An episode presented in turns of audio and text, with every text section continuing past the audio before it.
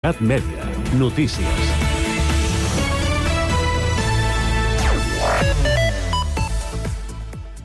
La Universitat Internacional de la Pau i l'Institut Víctor Seix de Poliomologia han decidit atorgar el Memorial per la Pau Joan 23 a Nàdia Gulam. El comitè format per les dues entitats reconeix així el treball de Gulam en favor de la pau a l'Afganistan independentment de qualsevol interès polític, partidista o religiós. La menció Frederic Roda 2023 és per prou complicitat amb Israel, la coalició d'entitats solidàries amb el poble palestí per la seva denúncia de la constant vulneració dels drets humans a Palestina. A més, també s'atorgarà el títol pòstum la menció a Kiko Gussi, pacifista compromès amb els valors de la pau. La Fundació de Sant Cugat Grupo ADA estat reconeguda per la seva diversitat i sostenibilitat als reconeixements empresarials PIMEC Vallès Occidental. L'entitat santcuatenca, que es dedica a oferir servei i projectes d'integració social, ha rebut el guardó en la cerimònia que s'ha celebrat aquest dimecres al Saló Modernista de la Fundació 1859 Caixa Sabadell. És la primera edició d'aquests premis que ha distingit set iniciatives empresarials de la comarca. Els tiets faran sonar el seu coti per coti a la gala d'entrega dels Premi Capital de la Sardana, que té lloc aquest dissabte a les 6 al Teatre Auditori. El grup interpretarà en directe la versió completa per a cobla del Coti per Coti, amb la cobla Sant Jordi, ciutat de Barcelona. De fet, la formació ha estat guardonada amb el Premi Iniciatives Renovadores, precisament per aquest tema que té més de 17 milions de reproduccions a Spotify. La cerimònia comptarà també amb la consellera de Cultura, Natàlia Garriga, i l'alcalde Josep Maria Vallès.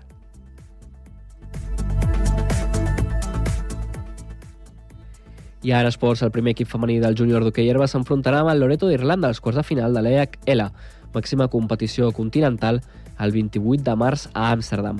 Les sancotengues disputen aquesta competició per segona vegada a la seva història i ho faran com a vigents campiones de la Llei Iberdrola.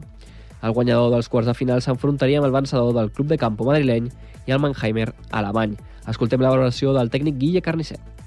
Bé, estem contents perquè, eh, per una banda, evitem els, els rivals locals, que, que són sempre els favorits, que són els equips holandesos. També eh, hem evitat el club de campo, ja que bé, a nivell personal, doncs, ja, ja que juguem a Europa, doncs, eh, crec que una de les, dels al·licients és jugar contra equips nous i contra, contra altres països i contra diferents estils de joc. Per tant, també contents d'evitar de, doncs, l'equip local. Guille Carnicer s'estrenarà en una competició internacional. Més informació al següent butlletí horari i a Cugat.cat. Cugat Mèdia, la informació de referència a Sant Cugat.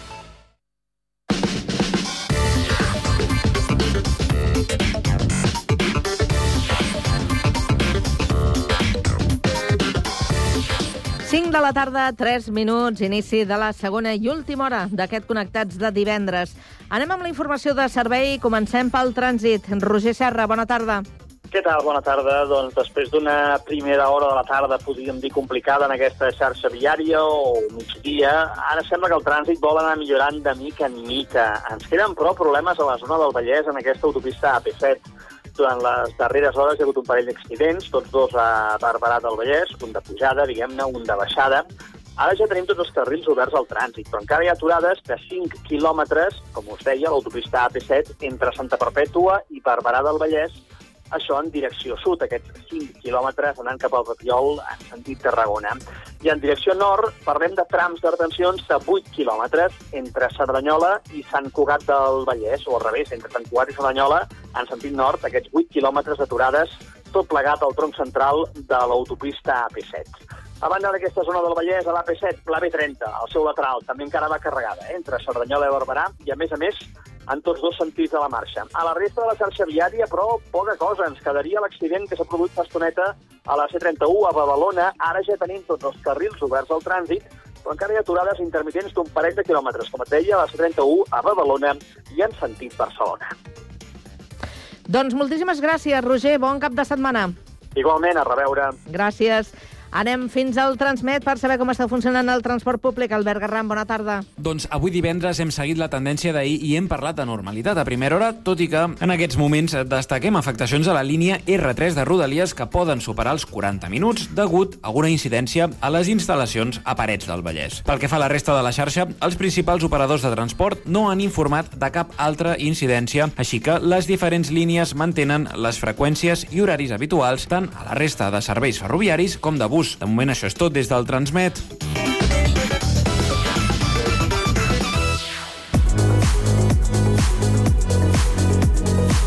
Cada tarda, de 4 a 6, Connectats. Una experiència radiofònica a Sabadell, Terrassa, Sant Cugat, Castellà, El Prat i Badalona.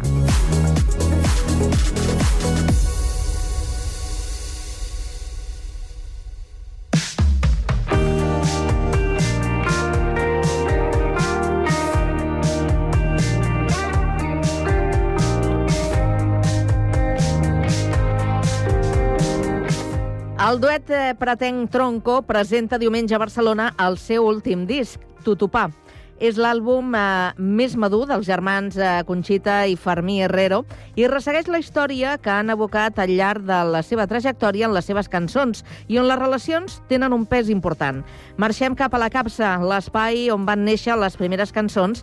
Allà hi tenim a Luis Rodríguez Alonso, del Prat Ràdio. Bona tarda, Luis. Bona tarda. Tronco es troba en plena gira de presentació del seu darrer treball, Tutupà. És el quart disc dels germans Conxita i Fermín Herrero, ple de col·laboracions amb diverses novetats, però sempre amb el rerefons de les relacions i també el món que els envolta. Bona tarda, com esteu? Doncs molt bé, encantats d'estar aquí amb vosaltres. Molt bona tarda. Uh, com estan en aquests eh, primers concerts que de fet ja heu fet amb aquest darrer disc? pues molt bé, estan sent concerts molt animats, plens de gent, eh, que s'ho està passant molt bé, escoltant les noves cançons, uh -huh. eh, i també afegim algun espectacle Alguna extra. sorpresa. Podeu avançar-la? Sí, podem dir-la, Fermi. Sí. Mm, tenim, tenim el costum de fer una mena de duel uh -huh. entre la Conxita i jo als concerts i batim, decidim una temàtica conjunta uh -huh i decidim un parell de cançons que vagin al voltant d'aquesta temàtica. Llavors cadascú se l'estudia pel seu costat i el dia del concert, pues... Se va tenint duelo. Però jo no sé quina és la cançó del Farmi, ell no sap quina és la meva cançó, uh mhm. -huh. llavors és sorpresa també per nosaltres, o no solament pel públic, sinó també per nosaltres. I després tenim una cançó de eh, final de duelo, per, per aquest per que diem en paz i concòrdia. és una mica slam poetry, no? Podríem dir fins i tot, en aquest sentit, o no? Mm, bueno, sí, no a, és tan... A nivell de batalla, eh, vull dir? O sí, a nivell de batalla seria com una, sí, com una batalla. De, sí, del, de, una batalla. Com, anem, com els gladiadors romans, diria anem, jo. Anem un a un. Molt bé. ens expliqueu-nos, i que més ens, inspira doncs, això, amb Tutupà, amb aquest darrer treball que, que, que heu de treure? Doncs, bueno, aquest, aquest últim treball, que és un disc que ara ens hem autoeditat, uh mhm. -huh. eh, doncs eren, és una mica és les cançons que hem fet en l'última temporada. Normalment les cançons eh, tenen molt a veure amb el que ens va passant mm, en la nostra vida quotidiana, més o menys. Uh -huh. I doncs és com si, o sigui, les nostres cançons fan, fan alhora com de, una mica com registre uh -huh. de la nostra història. Llavors, doncs, mm, és la continuació de la trama dels altres, dels altres discos. Uh mhm. -huh. No, Fermi? Totalment. Eh, és que a nivell conceptual sempre ha estat el mateix. Sí. Les vivències pues, a través de les cançons. Uh -huh. Parleu molt de relacions, també. Bueno, és que és un dels grans temes. les relacions, estem estem obsessionats amb les relacions, mm -hmm. realment. Ens encanta relacionar-nos i ens encanta enamorar-nos. Som, som gent que cau fàcilment. Bueno, jo no diria tant com jo això. Sí. Eh, van molt de les relacions, però també hi ha molts altres temes. El, sí. el creixement és un d'ells. Uh -huh. eh, nuevas habilidades, eh, yo qué sé, la cocina, también recuerdos, vull dir... Uh -huh. Eh, tocamos todos los palos, Fermi. També crec que de la mateixa manera que nosaltres anem creixent, aquest també pues, és el disc més madur de Tronc. Exacte. És una mica de diari, no? De teràpia també, podríem dir, no sé. Sí, eh, bueno, almenys, o sigui, a mi m'ajuda molt eh, uh -huh. escriure les cançons, també m'ajuda molt a treure les coses que em passen, necessito parlar d'una cosa, uh -huh. i no me n'adono perquè és molt intuïtiu, o sigui, com que és molt... Eh, no hi ha cap mena d'estratègia, però sí que m'ajuden molt a parlar de les coses que m'interessen, o em preocupen, o m'inquieten, o... Sí. Uh -huh. -huh. És terapèutic. Sí, Fins no sé. Tot, fins i tot per qui l'escolta. Pot ser terapèutic, aquesta és una de les, Sí, també és de les funcions de la música. Pues T'identifiques amb les històries i així sanes per dintre. Aleshores, en aquest sentit, en què us heu inspirat en les vostres pròpies vivències i ja està, o, o què més teniu? Mm, bueno, a veure, les nostres vivències suposo que són una part no, de, de, Mhm. del material que ens ajuda després a construir tant les cançons com els, eh, com el, com els discos. També ens hem inspirat en altres artistes, per exemple. Mhm. Des de fa el disc anterior eh, f- versionem una cançó de Simon and Garfunkel, per exemple. Sí. No té res a veure amb les nostres vivències, però és un grup que ens agrada. I Sí, algun cop inclús, ara per exemple en aquest disc eh, hi col·labora una amiga nostra que és la Candela Escobar, Sí. llavors una part de la composició és les seves vivències, o potser al, en aquest disc no, però en alguna altra ocasió eh, hem fet servir algun text o algun poema d'algun amic nostre que ens ha agradat, o sigui, sí que, sí que òbviament fem servir les coses que ens passen com a material, però estem... Qualquier cosa nos sirve para... Um, de, a banda de la, de la Candela també teniu més col·laboracions al disc, com la del Sergio Oramas, conegut com Muyayo. Uh, com ha anat també tota aquesta feina també conjunta que heu fet amb ell? Doncs això va començar eh, fa un, un... És que no sabria dir-te quant de temps exactament, però uh -huh. el Sergio és un noi que fa anys que viu a Barcelona, ell és canari, però fa temps que viu a Barcelona, i el, el, una mica el punt de trobada, o com ens vam conèixer, va ser arrel de la- d'Ultra Local Records, la tenda de discos de Barcelona, uh -huh. o doncs de coincidir en concerts, si tens gust, gustos similars, ràpidament coincideixes a concerts, i també un, un vincle molt important que tenim amb el Sergio és l'Eloi, que és el nostre producer, De fet, jo penso que el Sergio el vam conèixer perquè l'Eloi li havia de gravar una cançó al Sergio. Sí, sí. Una de les seves cançons de l'últim treball que ha tret, Mhm. que es diu Algo de ritmo tiene el algoritmo, o té una, té una tornada semblant. Llavors, a partir d'allà es van conèixer l'Eloi i el Sergio, i en realitat això va ser una maquinació de l'Eloi, que el Sergio estigués en aquest àlbum. De sobte, nosaltres ens presentem a casa l'Eloi i ens diu, mirad chicos, he grabado este No, instrumento. perquè el Sergio toca un instrument canari que se llama timple. Mhm. I doncs es veu que l'Eloi pues, mm, en algun moment Li doncs, li havia agradar i així, llavors el Sergio va col·laborar amb el timple al nostre disco, després el disc del Sergio, que és eh, el Pop Picón, Mhm. eh, també tenim una cançó conjunta, o sigui, com que. Sí, com que ens vam, ens vam portar Ens hem bé i... Sí, això. I, ens, i a tots ens encanta la música i provar i nos apuntamos tots a un bombardeo, pues ja està. Hi haurà aquestes col·laboracions també, al concert aquest que teniu preparat per aquest, aquest cap de setmana? Mm, Veurem algú a l'escenari a banda de vosaltres, vull dir? Mm, Vale. Jo ara m'agradaria Si saber es de quin desvetllar, concert eh? estem parlant. Del d'aquest Del cap de- de no, setmana. de- con- con Sergio. El del dia 17. Correcte. El diumenge dia dia 17 a la 9. a la nau. Exacte. Aquí no? Correcte. A les 5, crec que és a les 5 de la tarda. Vale, eh, sí, eh, horario, horario de tarda. Horari infantil. A veure, eh, hi haurà alguna col·laboració en Sí, aquest hi ha una concert? petita sorpresa eh, Mhm. conjunta, tant del Joan Colomo com del Muyayo com nostra, però... Però no podem podemos avançar més. No podem avançar més. a veure, també m'agradaria aprofitar aquesta entrevista, ja que us teníem nosaltres, doncs, per parlar de la vostra trajectòria. Porteu pràcticament uns 7 anys, eh, va ser el 2016, com vau formar el grup i us vau presentar, de fet, al concurs amb aquestes Autoplacer del Centro de Arte 2 de Mayo um, hace un año, más o menos, del senzill Tronco i les Yumis, i que a més va ser produït aquí on estem ara mateix, a la capsa. Eh, hi ha informació creuada. A veure, no, sí. no, sí, No, no, sí. digue'm. Eh, eh, quan començàvem, o sigui, en realitat teníem... eh, Sí que, sí que és veritat que les cançons que vam presentar a aquest concurs al, a l'Autoplacer Mhm. eh, van ser unes cançons que vam gravar aquí a la capsa amb el Willy. En aquell cas eren l'Abducida i crec que era... Abducida por formar una el pareja i el Helecho. Helecho. Sí. I Les Yumi va venir una mica, una mica més després, però molt poc després, en plan, però sí, les, però gràcies a, o sigui, las cançons, fueron las canciones que, que el Willy nos echó un cable a grabarlas aquí, que presenta, van presentar Que, de fet, aquesta versió d'aquestes cançons està extraviada. No, no està extraviada, ah, sí? tio, ah, no? Fermi, claro que ah, no. pues m'agradaria sentir-la. Ah, pues tío, Fermi. Ah, perfecte. No està bueno, extraviada. Tenim el Willy per aquí, si no li podem demanar Sí, li, després. li demanem al Willy. Eh, en qualsevol cas, gràcies a aquestes gravacions, pues, van poder-nos presentar l'Autoplacer. Ens van donar una menció especial, o sigui, com que el premi de l'Autoplacer era editar un disc. Uh -huh.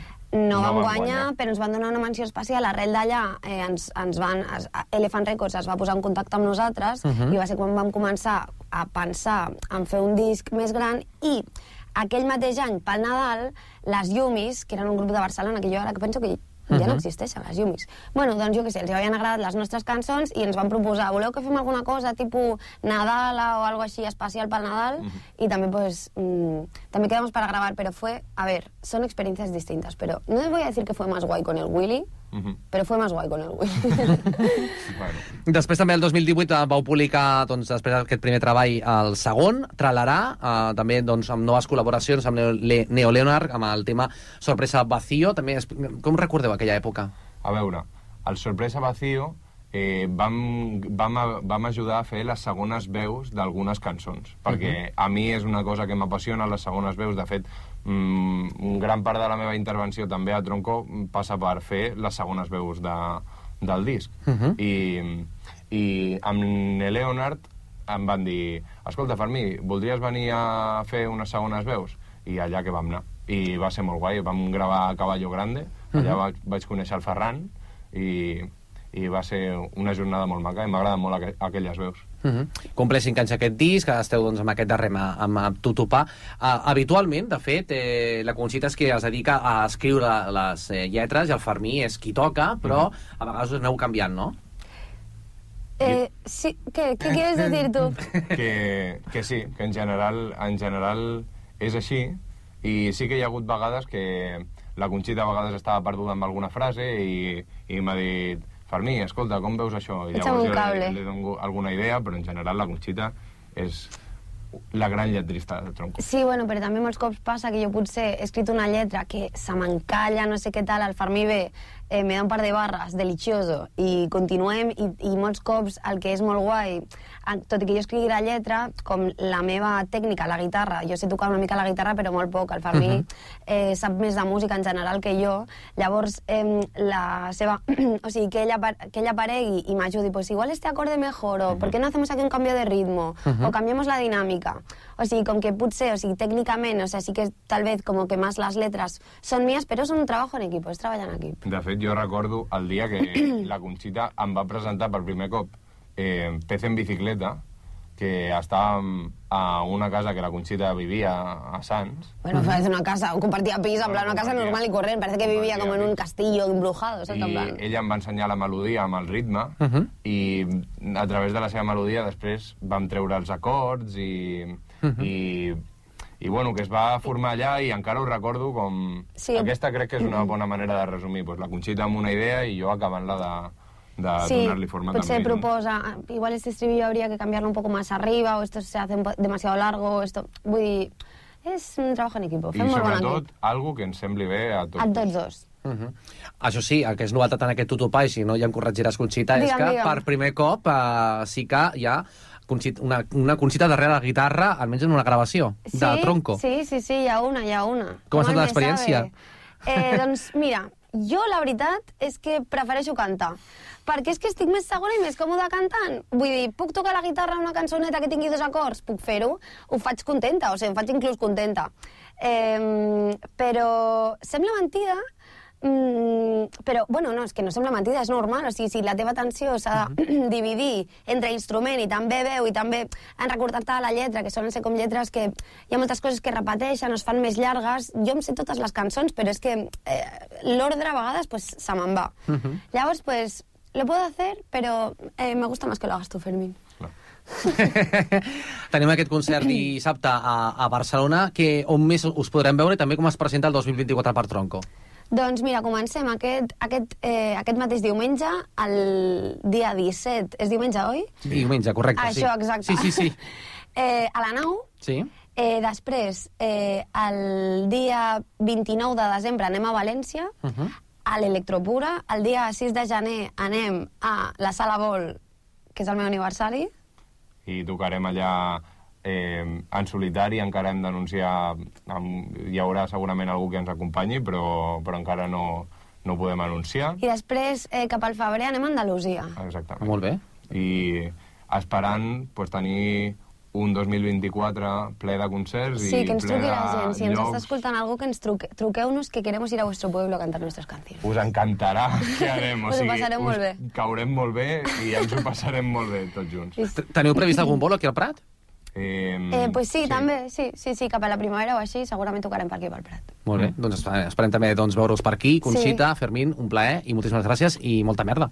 Moltes gràcies a vosaltres. No sé por dónde andas y no importa. Dijiste que te fuiste de Mallorca. Y como no dijiste a dónde ibas, a mí se me ha empezado a ir la olla. Pero esta noche me voy a imaginar tu paradero. Que estás cerca de aquí, nos vemos luego. Te acercas con el coche y me recoges. Y así esta noche sabrás lo que pasó cuando te fuiste. Seguí vida normal pero muy triste. Lo saben todos los que me conocen. Me han dicho que es mejor que yo no sepa ni dónde estás ni hola qué tal te encuentras. Me han dicho que es mejor que no te llame si quiero pasar bien las navidades. Me han dicho que hablamos lo que haga falta. Las veces que haga falta no te rayes. Te quiero mucho, Conchi, lo que vales. No cabe en un zancine de recetas, pero esta noche me voy a imaginar tu paradero. Que estás cerca de aquí, nos vemos luego.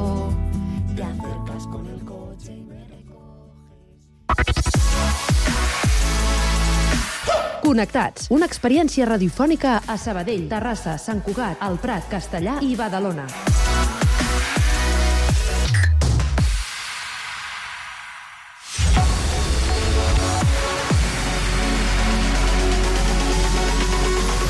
Connectats a les xarxes. Efectivament, és el torn ara per saber què és el que ha fet bullir les xarxes aquesta setmana i, com sempre, en aquesta última entrega, en aquest any 2023, Jessica Rius ens porta el més rellevant. Bona tarda, Jessica.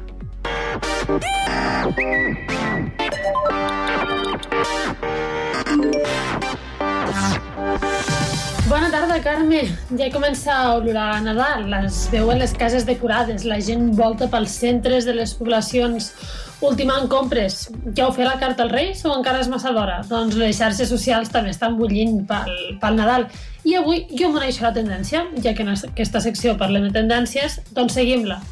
Si alguna vegada heu vist alguna pel·lícula d'aquestes americanes amb temàtica nadalenca, haureu vist que no escatimen en decoració de Nadal, llums, pares noels, boles, arbres gegants, de tot. Què passa quan els espanyols anem a veure als Estats Units? Doncs el que li ha passat a la parella que s'ha fet viral en aquest vídeo per fer una gran decoració de Nadal a Estats Units, però a l'espanyola. Això no només passa als Estats Units, sinó que hi ha algunes ciutats d'aquí que també s'estan unint a la moda de com més gran i més, molt millor. No diré quines ciutats, però segur que ja ens hem entès, no? Vaja, que alguns ja estan com aquest noi a TikTok.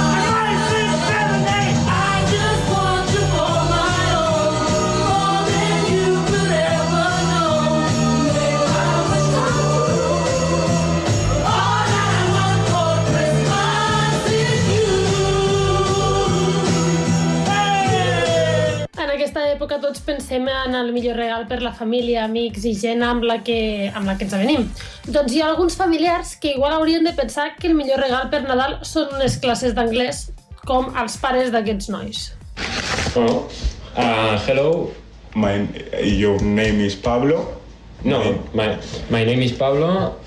My name is Le. And uh, he's um, preparing in the cake. The cake. The cake. The cake for for English. Okay, the ingredients is uh, oil. Oil. Oil. Oil. Oil. Oil. Oil. No, no le hemos echado. No. Uh, in the sugar. Sugar. White. White. Sugar white. Of the baking Powerade. Powerade. In the harination. Harination. Ha, ha, a posterior. Posterior. Posterior. Posterior. Harry. Okay, the cake is in the cooking hot, cooking hot. Putting hot. Si no us surt el pastís, tranquils. No és que no hagueu entès la recepta bé o alguna cosa, és que doncs, el seu anglès no acaba de ser perfecte i no... igual ens hem perdut algun, algun ingredient pel camí.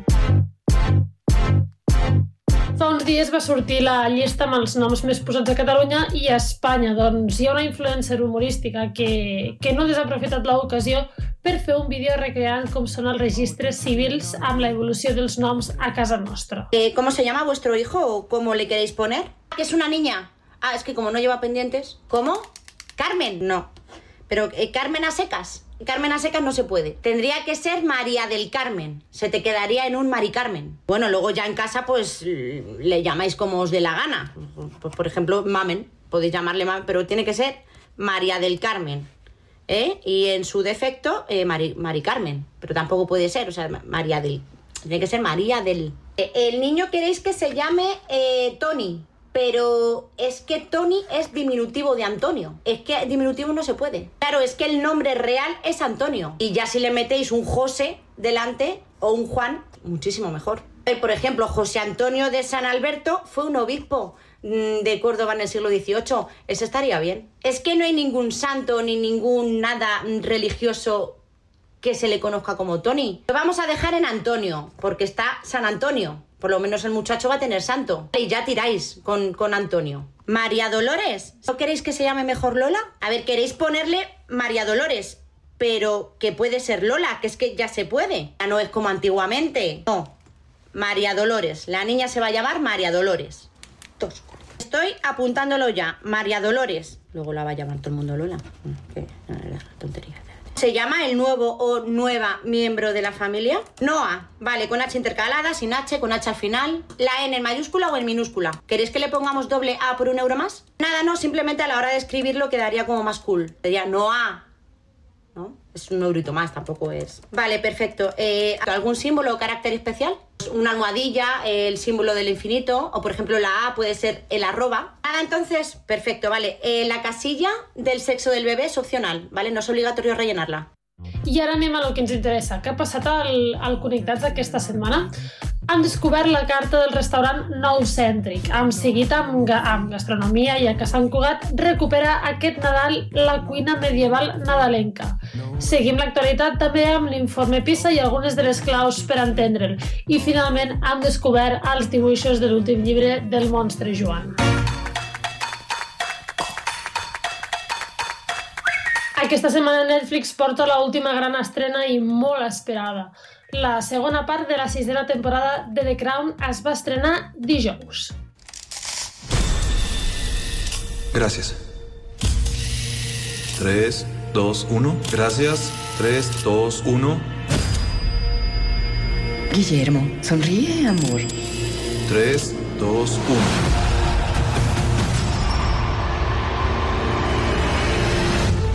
Después de revisar los datos, los encuestadores presentaron sus resultados. A la pregunta de si la familia real había perdido contacto con el pueblo, el 53% dijo sí. ¿Cree que despilfarra el erario público? ¿Le falta compasión? El 62%, el 69% dijo sí. El primer ministro tiene un nuevo apodo, Rey Tony. Debemos de cambiar no solo las políticas de la nación, sino del alma de esta nación.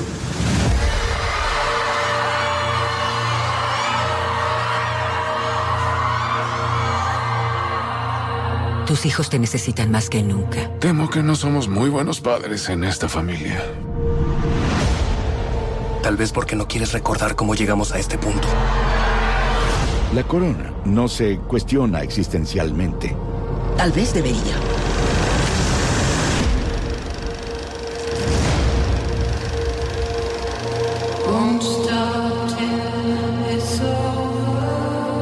Tal vez sea el momento. Pero es quien creemos va a ser la monarca más longeva de la historia. Van a querer celebrar su reinado y marcar el fin de una era. Pero ¿qué hay de la vida que dejé de lado? La mujer que dejé de lado cuando me volví reina.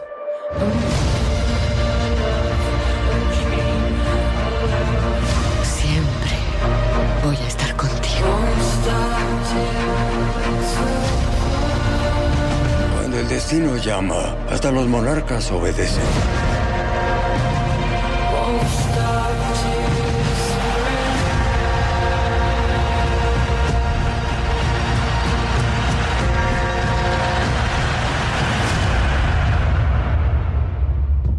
Están listos, Majestad.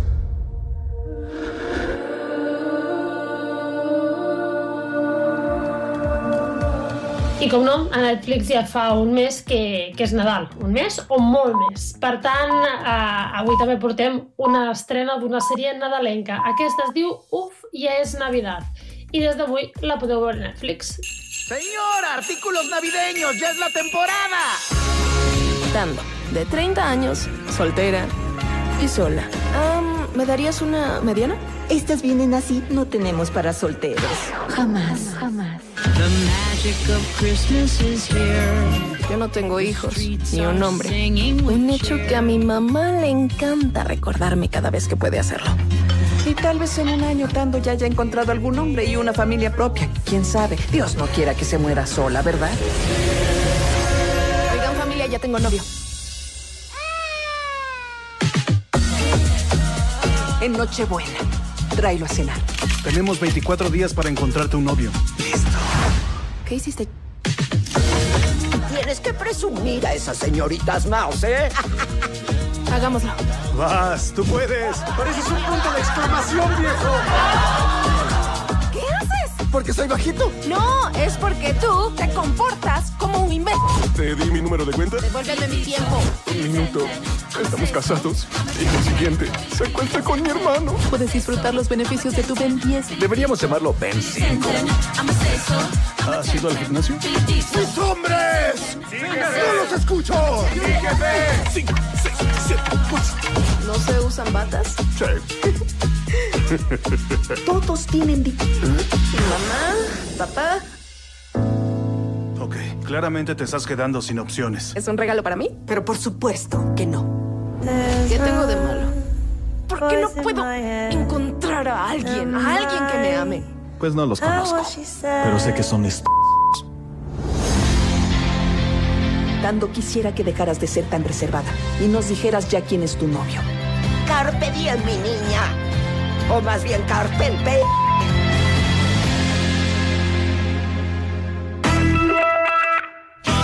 Aquest cap de setmana es fa la Marató de TV3. Aquest any va per la salut sexual i reproductiva. I com no, ja està a la venda el seu, el seu disc.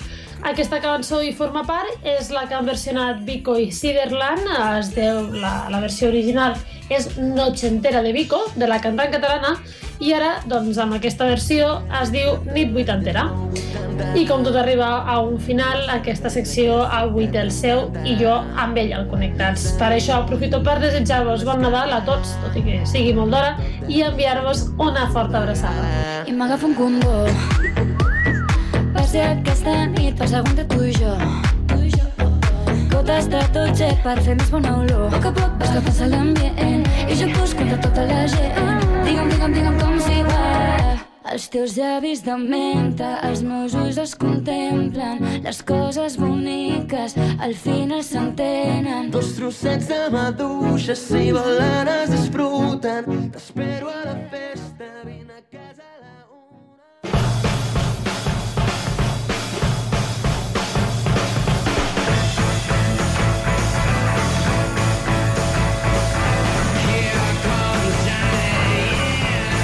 I ara al Connectats arriba el moment de repassar la cartellera, de saber quines són les novetats, i tot això ho fem en companyia del periodista Jordi Guillem i el nostre company Sergi Estapé. Bona tarda. Looking back on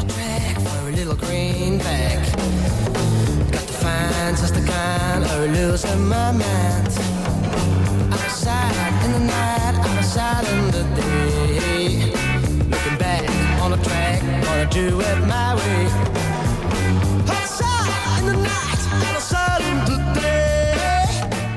Molt bona tarda, una setmana més. Tornem amb la secció de cinema, que és la penúltima de l'any. Després vindrà la última, que serà la setmana vinent, i després farem un període de vacances que també crec que ens les mereixem. Com sempre ho fem amb el company, amb el periodista i cinèfil, periodista de Diari de Terrassa, Jordi Guillem, que avui el tenim a l'altre costat del fil telefònic perquè té festa, el senyor, eh? eh? Jordi, què tal? Què tal? Bona tarda, com, com anem? Bé. Doncs bé, avui déu nhi eh? Moltes pel·lícules s'estrenen aquest cap de setmana, per tant, anem per feina, si et sembla.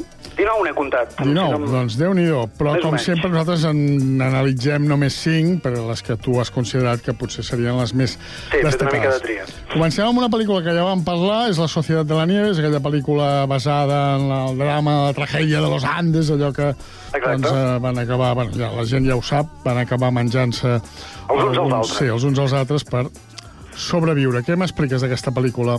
Doncs que és una mirada diferent a, la, a les dues pel·lícules que s'havien fet fins ara, la més coneguda, Viven, protagonitzada sí, per Ethan Hawke. Ethan Hawke, sí.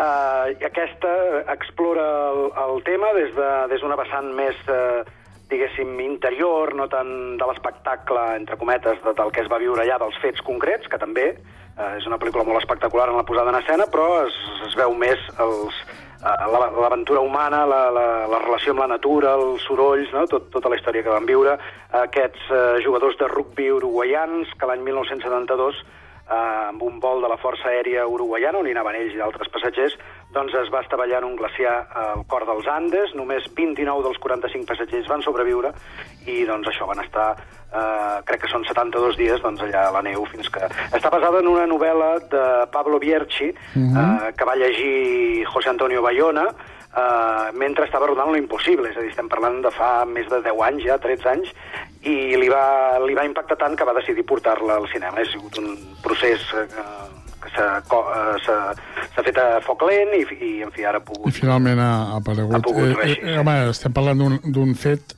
jo recordo, els que ja tenim certa edat, doncs, que en el seu moment va impactar, i estem parlant d'unes èpoques on no és com ara, que és més fàcil, teòricament, eh, trobar gent que s'ha perdut en aquestes històries, però llavors era molt més complicat. A més a més, clar, l'avió blanc, la neu blanca, Exacte. és a dir, era difícil pels que volien rescatar. Escoltem un trosset de La Societat de la Nieve, va. Perfecte.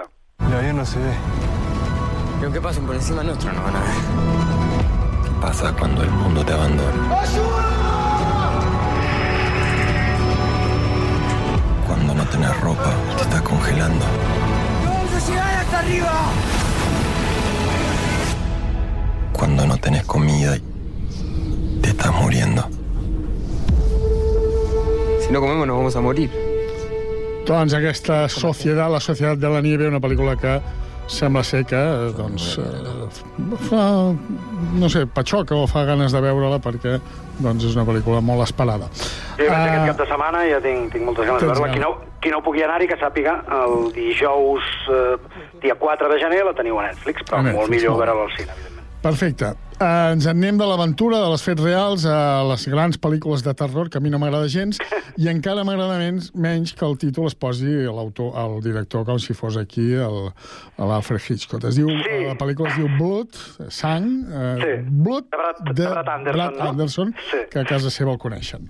Eh, no, home, és, és un senyor que havia rodat al Parc Audiovisual, havia fet uh, Session 9, una pel·lícula força interessant, després també havia fet El Maquinista, uh, Transsiberian... No, un... però jo vull dir que amb el sentit de que tampoc és una, un, no, no és una un gran estrella. o estrella com per posar... Sí. Bé, de, però de totes formes, no, fan...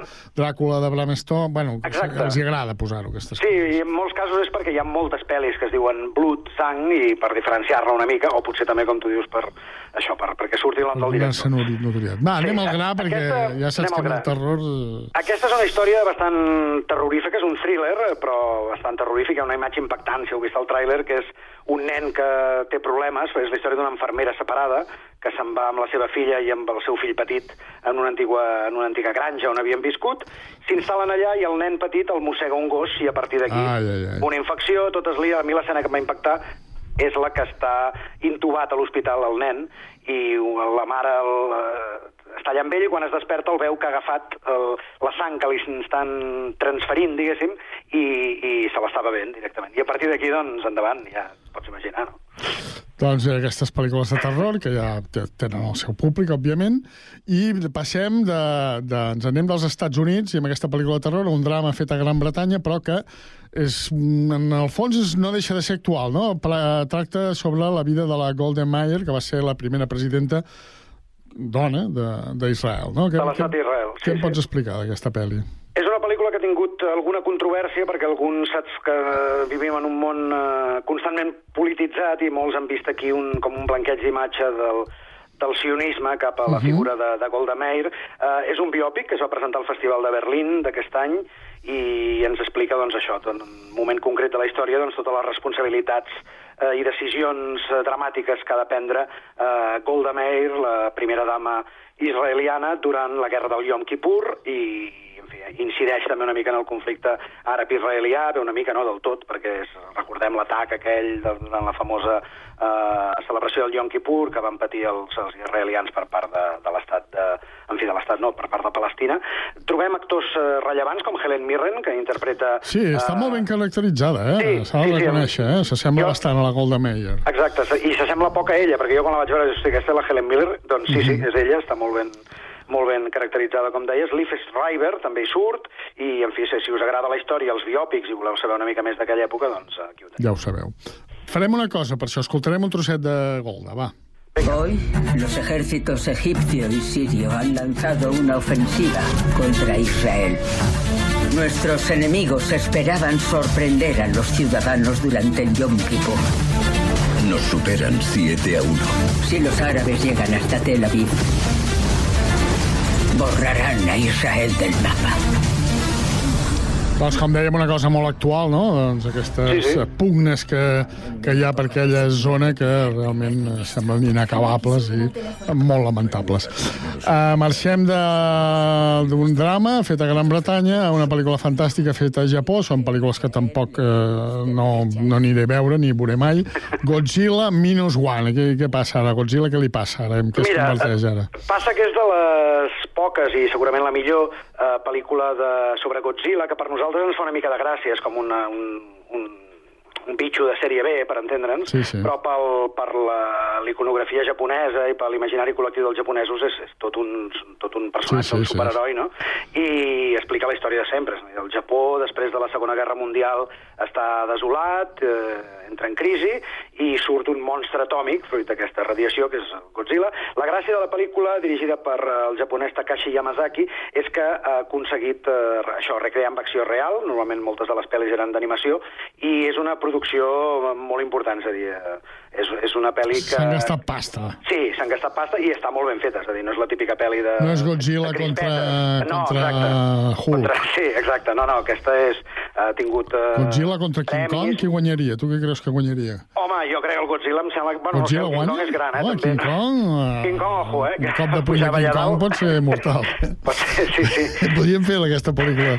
La podíem, Godzilla. la podíem produir tu i jo. Faríem alguna pela. Sí, o no. Molt bé, doncs alguna cosa més d'aquest Godzilla, per passaríem a l'última que repassem, que seria L'Espera, un thriller fet aquí a Espanya, una pel·lícula una mica, crec, pel que he vist al trailer, una mica fosca, no? Sí, una pel·li fosca. Jo vaig tenir l'ocasió de veure al Festival de Ah. Sitges. Sí. I què tal, eh, bé? Quan vaig sortir de la sala no em va acabar d'agradar, però és d'aquelles que després les vas madurant i dius, va, no està mal. No està mal. Mm, més interessant, la posada en escena i el que es veu és tipus western, un senyor que viu allà en uns camps um, i que fa que es dedica a organitzar caceres i tal, és el- l'encarregat, diguéssim. I és, com deies, una pel·lícula bastant fosca, no, no fosca perquè passi de nit, perquè tot és a plena llum del dia, però és... Sí, personatges enrebaçats, eh, Sí, sí, escenaris una... mica estranys, no? No, no, Sí, no una- estan a la, a, la, a la, jo què sé, a una carrera de Nova York, no? Sinó que estan No, a les no, és, és, una, muntanyes. i... sí, és una cosa rural, així Mhm. aïllada, un home que es va tornant boig per una sèrie d'històries que li passen, eh, ella ha de fer una, una caceria, una cacera d'aquestes que, que es posen en diversos llocs, no? i han de ser 10, llavors l'intenten, el subornen, de fet, perquè siguin 13, Mhm. i aquest pecat que ell porta dins, doncs és una pel·li un pèl enrebaçada, protagonitzada per un senyor que probablement coneguis, que es diu Víctor Clavijo, que sortia Sí. en una sèrie d'aquestes, no, no m'ho facis dir, eh, no, no sé quién, ai, quién viva, Sí, o sí, aquelles... que, sí, exacte. Una d'aquestes, La, la sí. que s'avecina. Això, doncs la Ruth Díaz també surt, el Pedro Casablanc, Luis Callejo, és, Home, té, un, Luis té un Callejo. repartiment interessant i, i la fotografia està bé. Sí, sí. Molt bé. Doncs escoltem, per acabar el repàs a les cinc pel·lícules més destacades que ens porta el Jordi, escoltem l'Espera, aviam què ens diu. ¡Mamá, ya viene! ¿Cuántos años tiene el chaval? Diez. ¿Ha salido cazador? En tres años está pegando tiros. Son dispuestos. Dos cazadores por puesto con un secretario. Tienen que ser tres puestos. No es seguro. No quiero que una bala perdida mate a alguien. Te dejo que te lo pienses. Aunque no hay mucho que pensar, ¿no? No te salgas del puesto i no te levantes. Doncs aquest, l'espera, aquest thriller que eh, recomanava el Jordi com a, entre les pel·lícules les 19 pel·lícules que s'estrenen. També s'estrena Champions, un drama fet als Estats Units que està basat en la pel·lícula Campeones, que, es va, fer, que va fer aquí Javier Gutiérrez, un altre drama als Estats Units, Camino a Belén, una d'aventures de Noruega, Teddy la màgia de la Navidad, un drama francès, La Trenza... Últimament em portes poc eh, cinema francès, eh? És un, sí. un retret que et faig. Saps què passa? S'acaba l'any i intentem anivellar les cinematografies. Va, molt bé. La sombra de Caravaggio, un drama fet a Itàlia, un drama fet a Gran Bretanya que es diu Dance First, La última noche de Sandra M, que és un drama fet a Espanya, un documental també fet a Espanya, Absolució de Juan Alfredo Amil, un altre documental espanyol, Mulleres, un drama fet a Espanya, Splendid Hotel, Rimbaud en Àfrica, el, eh, Alteritats, també un documental fet a Espanya, un drama també fet a Espanya, Neu Urbilac, eh, fet al País Basc, una d'animació d'Hongria, Tom, Tom Shelby i la linterna màgica, i acabem amb un documental també fet a Espanya, El retablo de les meravilles. Com sempre, quan acabem el programa, sempre parlem d'una efemèride, algun actor, algun festival. En aquest cas, el, no va ser eh, el dia 15, però sí un 17 del 12 de 1993, és a dir, diumenge, farà 30 anys, que es va estrenar una gran pel·lícula que es diu El piano, dirigida per Jane Champion. Què m'expliques del piano? Que és una pel·lícula icònica, que jo la vaig veure fa molt temps, m'agradaria recuperar-la, eh, eh, perquè és francament interessant. És una pel·lícula mm, dirigida per una directora neozelandesa, que va guanyar tres Oscars, entre ells mm -hmm. el de millor guió, de la mateixa Jane Campion, també dues actrius, eh, la nord-americana Holly Hunter i la neozelandesa Anna Paquin, hi ha bastant repartiment neozelandès, l'actor Sam Neill, també, que el recordareu, sí. de Parc Juràssic, també sortia, sí, sí. també el nord-americà Harvey Keitel, eh, i sí, sí, no, és una pel·lícula amb un repartiment brillant, i això ens explica la història d'una nena, l'Ada, eh, d'una dona, vaja, el personatge que interpreta Holly Hunter, que agafa la seva filla, eh, acaba de, de, de quedar-se sense marit i se'n va des d'Escòcia cap a Nova Zelanda, uns nous horitzons, i allà eh, s'emporta el piano del títol i, i, la, i la filla, i allà coneix un, seu futur marit, es casa, llavors coneix un estrany personatge, i que és el Harvey Keitel, i que a partir d'aquí, doncs, eh, és una pel·lícula, és un drama romàntic, de fet, però tot... Eh, tracta el tema de la discapacitat, el, eh, les relacions humanes. És una pel·lícula molt, molt peculiar que ha passat eh, a la història com allò que es coneix ara dels clàssics moderns. És una pel·lícula de fa 30 anys, com deies, es va estrenar, però és molt particular, té una música eh, fantàstica de Michael Nyman, que ha fet bastanta fortuna, aquesta, correcte. Està escoltant i, i eh, volia aprofitar per dir que, el, que sí. jo la vaig veure en un cinema que ja no existeix, com tants suposo sí. que ha passat a tots, el cinema Casablanca de Barcelona, que estava allà al Jardiners de Gràcia, entre el carrer Gran de Gràcia i el Passeig de Gràcia, és un cinema que va tancar fa 12 anys, i que una de les pel·lis que van tenir més temps en cartell, gairebé un any, va ser aquesta, també van fer Noche en la Tierra molt temps, i la que més va ser Bagdad Café, un, pel·li que, un cinema que programava Jaume Figueres, per tant, amb una programació mm -hmm. exquisita. Va tancar amb unes històries, un tema de malversació dels propietaris, és una història bastant fosca, però... Eh... Bueno, hem recordat aquesta pel·lícula perquè a vegades hi ha pel·lícules d'aquestes que són molt bones, que surten actors, perquè, per exemple, si tu dius Holly Hunter, no la posaries entre les 10 millors actrius. No.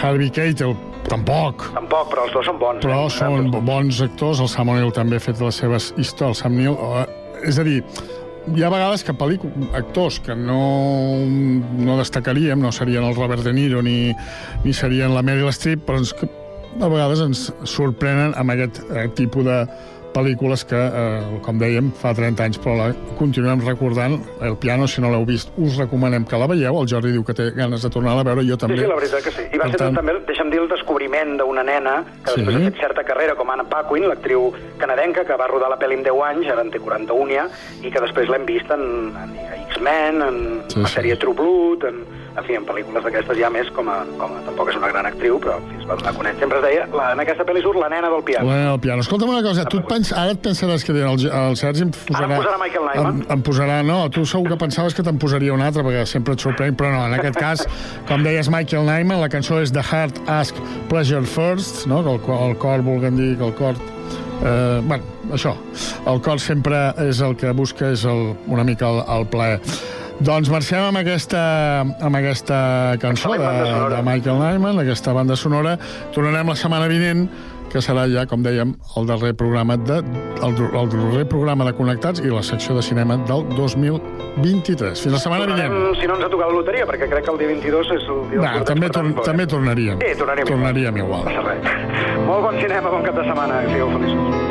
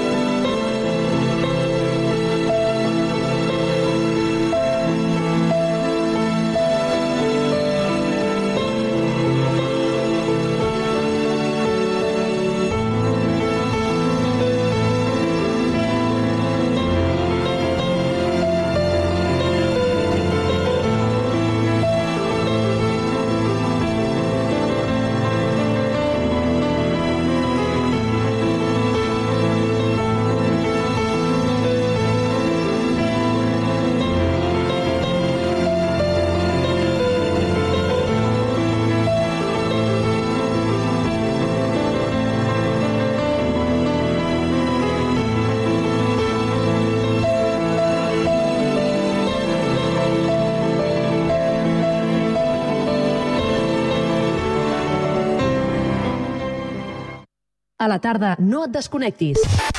A la teva ràdio local, connectats. Can't touch this. You can't touch this.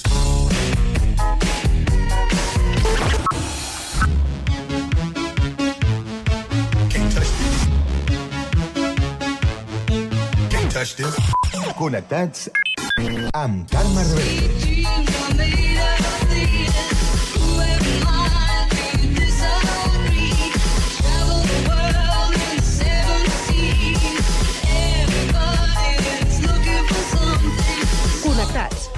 Experiència radiofònica a Sabadell, Terrassa, Sant Cugat, El Prat, Castellà i Badalona.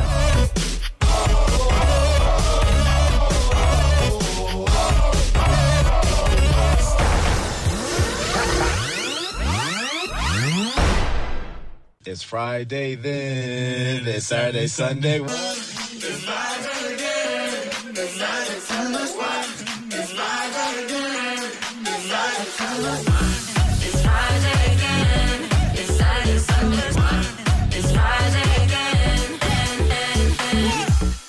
Temps ara al Connectats abans de marxar per fer un repàs a totes aquelles activitats i propostes culturals que us oferim perquè pugueu aprofitar al llarg del cap de setmana. I comencem el repàs amb les propostes de Sabadell. Pau Duran.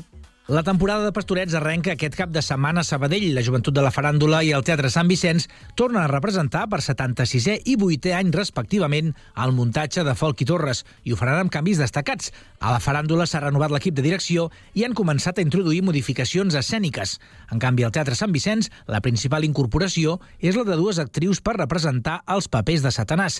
Tant des del Sambi com des de la faràndula consideren que els pastorets s'han de mantenir i es mostren disposats a renovar el muntatge de forma progressiva els pròxims anys per assegurar que s'adapta al moment actual.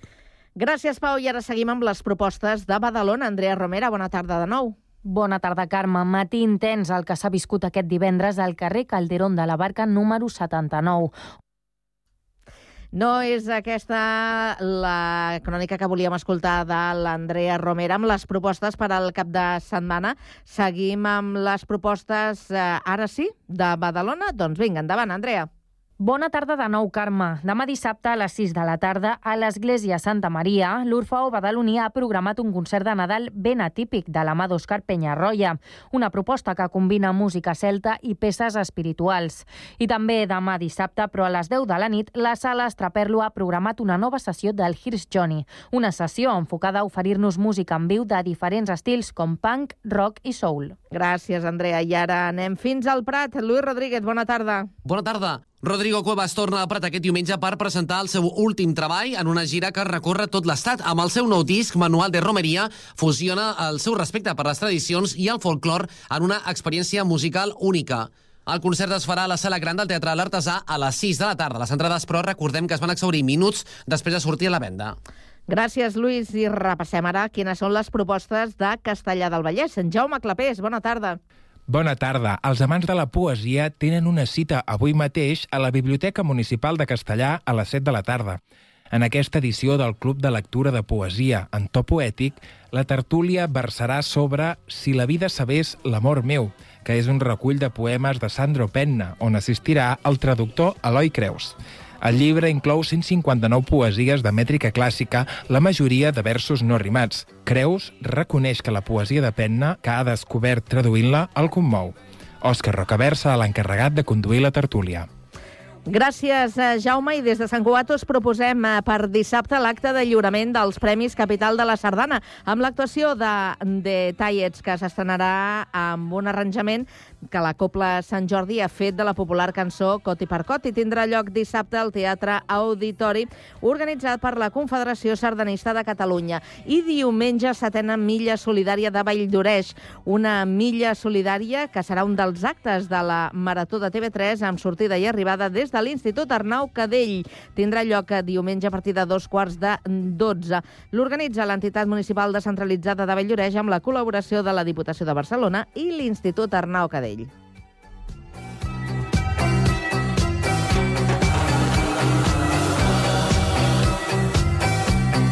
I fins aquí arriba aquest Connectats de divendres. Tanquem una nova setmana, la penúltima. La que ve serà la última abans de les vacances de Nadal. Us esperem a tots eh, dilluns a partir de les 4 i 3 minuts. Fins aleshores acabeu de passar una molt bona tarda i un molt bon cap de setmana. Adéu-siau.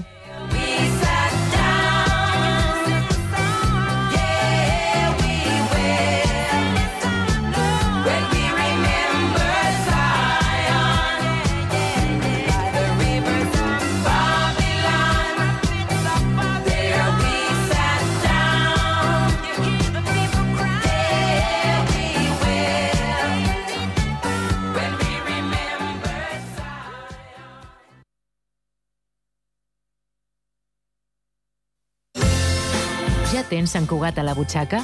La targeta de punts de més de 80 botigues de Sant Cugat. Si no és així, sol·licita-la a les botigues adherides i aconsegueix un munt d'avantatges. Descomptes, obsequis, promocions especials, barrets de la nit en blanc i...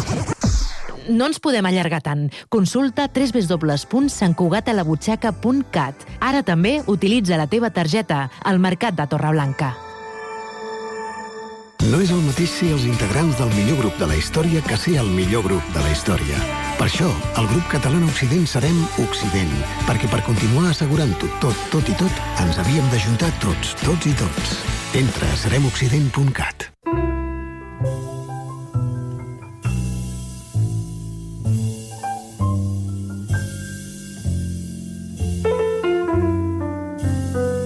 La bona música, amb Lluís Bonamusa. Un espai de Mataró Ràdio per la xarxa de comunicació local. Els diumenges, a les 3 de la tarda, al 91.5 FM.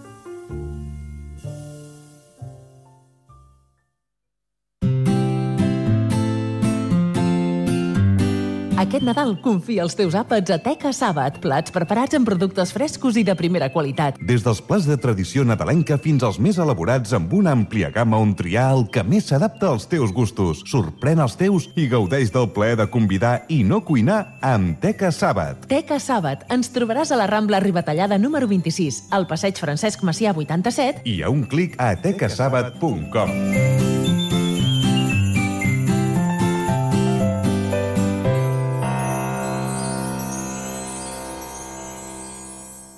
Ràdio Sant Cugat. Ràdio Sant Cugat. Ràdio Sant Cugat. La Maroteca de la Ràdio. Un programa de ràdio que parla de ràdio. La Maroteca de la Ràdio. Escoltarem programes de ràdio dels últims 40 anys. La Maroteca de la Ràdio. Un programa on despertarem la teva nostàlgia. La Maroteca de la Ràdio. T'esperem els dilluns a les 12 del migdia a Ràdio Sant Cugat, 91.5 FM. Ja tens Sant Cugat a la butxaca? La targeta de punts de més de 80 botigues de Sant Cugat. Si no és així, sol·licita-la a les botigues adherides i aconsegueix un munt d'avantatges. Descomptes, obsequis, promocions especials, barrets de la nit en blanc i... No ens podem allargar tant. Consulta www.santcugatalabutxaca.cat. Ara també utilitza la teva targeta al Mercat de Torreblanca. Ràdio Sant Cugat, Cugat Mèdia, www.cugat.cat.